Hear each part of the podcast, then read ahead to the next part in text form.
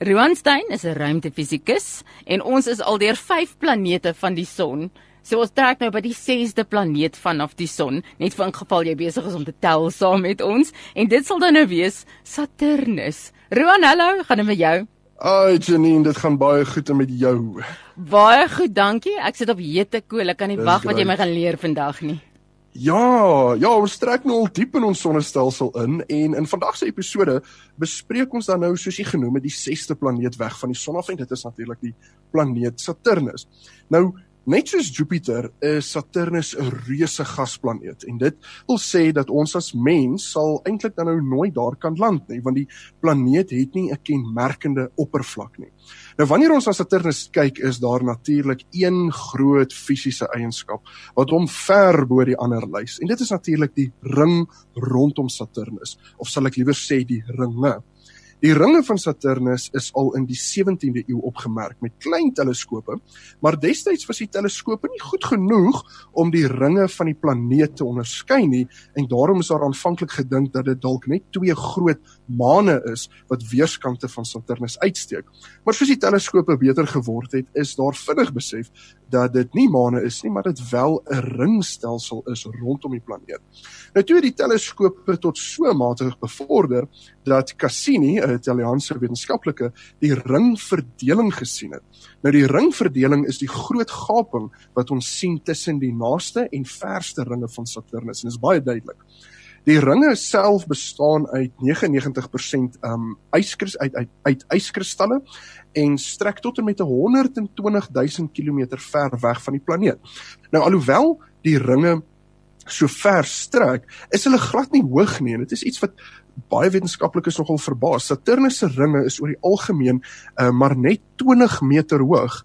Um, nou daar is 'n paar plekke waar die ringareas um, het waar die klippe en die ys bymekaar pak uh en dan kan die hoogte tot en met 1 km wees, maar oor die algemeen is hy maar tussen 20 10 en 20 meter hoog en dit bly nog steeds onsaglik klein in terme van planetêre groothede.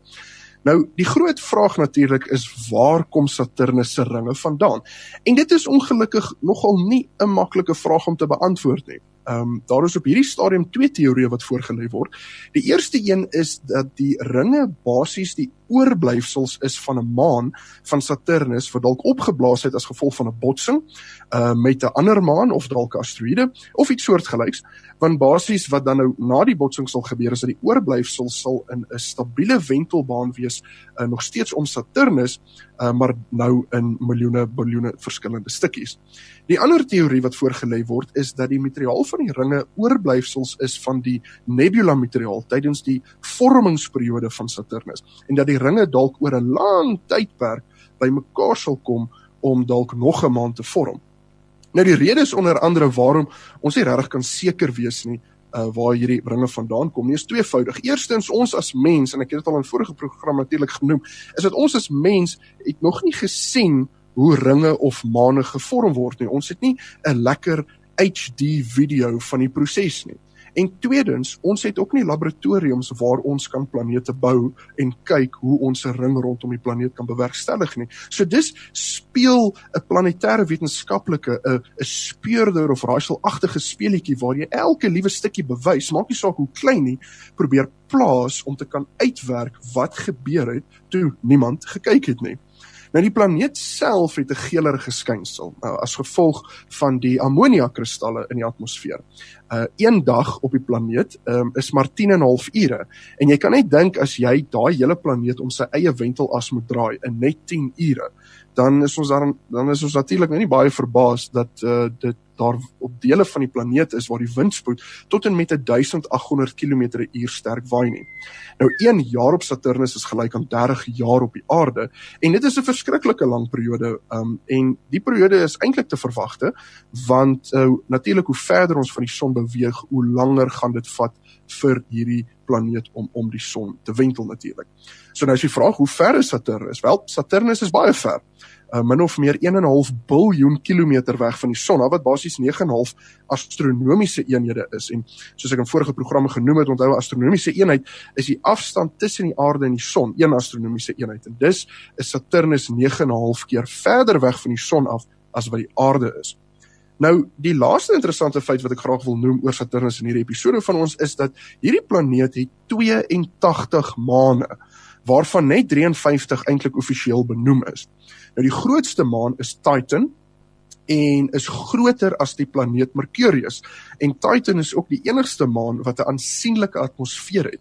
En dit bring ons by die interessante vraag oor wat die definisie van 'n planeet is, want as ons nou maane het in ons sonnestelsel wat groter is as planete, hoekom is daai maan dan nie eintlik op 'n planeet nie? Ja. En ek gaan bietjie meer hieroor gesels wanneer ons oor Pluto gesels wat dan nou soos ons weet nie meer as 'n planeet geklassifiseer word nie en dit gaan nou maar oor wat die slim mense in hogere posisies besluit het wat die definisie van 'n planeet is.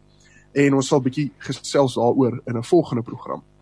Maar as ons na Saturnus kyk en ons kyk na Romeine 1 vers 20 uh wat sê want hulle kan sy onsigbare eienskappe, naamlik sy ewige krag en sy goddelikheid, reeds van die skepping van die wêreld af duidelik uit sy hande werk waarneem. Dan kan ek nie eintlik anders om dadelik aan Saturnus se ringe te dink nie. Um ons kyk na elke planeet, uh, byvoorbeeld Venus, Mercurius, Mars, Aarde, Jupiter, en dan ewe skielik sien ons hierdie uiters unieke planeet met 'n onsaglike helder ring rondom hom. Geen ander planeet in ons sonnestelsel het so 'n ring nie. Ons het planete soos ons volgende week sal sien, is dat daar is planete met ringe, maar ons kan hulle amper nie eers waarneem nie. Maar Saturnus het hierdie onsaglike helder ring reg rondom hom, naby hom. En ons weet nie regtig wat is die doel van die ringe nie. Uh ons kan heeltemal sien dat die planeet sal kan wel bestaan sonder die ring, maar daar moet 'n doel wees vir daai ring. Ons weet nie regtig met sekerheid hoe die ringe daar gekom het nie. Maar ons as mens en wetenskaplikes bly gefassineerd met Saturnus se ringe. Ek kan onthou die eerste keer wat ek na Saturnus se ringe gekyk het deur my klein teleskoopie as 'n voorgraadse student en dit was absoluut asemrowend geweest. Um, ek het eerlikwaar nie gedink ek gaan hom kan sien nie, maar ek het hom gesien en ek sal dit nooit vergeet nie en dit sal altyd by my bly. En dit spreek net vir my boekdele aangaande die skepping. Ons as mens verstaan nie alles nie, net soos wat ons nie alles verstaan van Saturnus se ringe nie.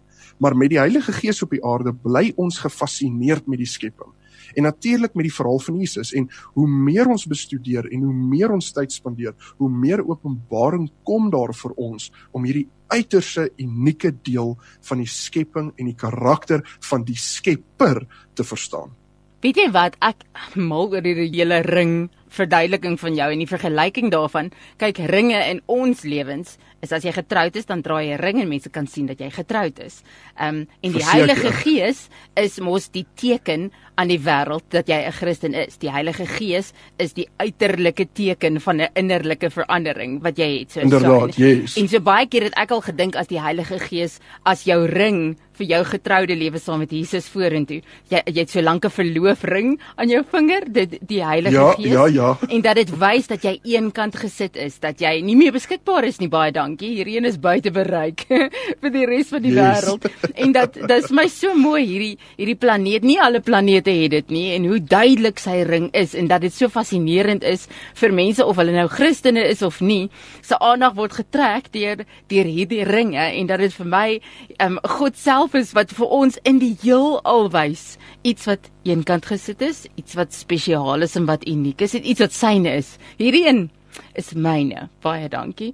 Ja, ja, ek dink jy is heeltemal reg en, en natuurlik met by elke troue wat ons bywoon, sien ons natuurlik waar die dominee altyd die woorde gebruik uh om te sê dat hierdie ring is 'n simbool. Ja. En dit is vir my en dit is 'n simbool van alles wat jy presies nou genoem het en dit is vir my so mooi want ons het net een planeet in ons hele sonnestelsel wat so duidelike ring het en ek dink dit is ook spesiaal in sy eie reg. Sjoe, wat is die Here Saturnus en sy ring geskaap het as 'n huweliksbelofte aan sy Christene? Wat is dit dit kon wees? Ja, dit sal so spesiaal sou gewees het.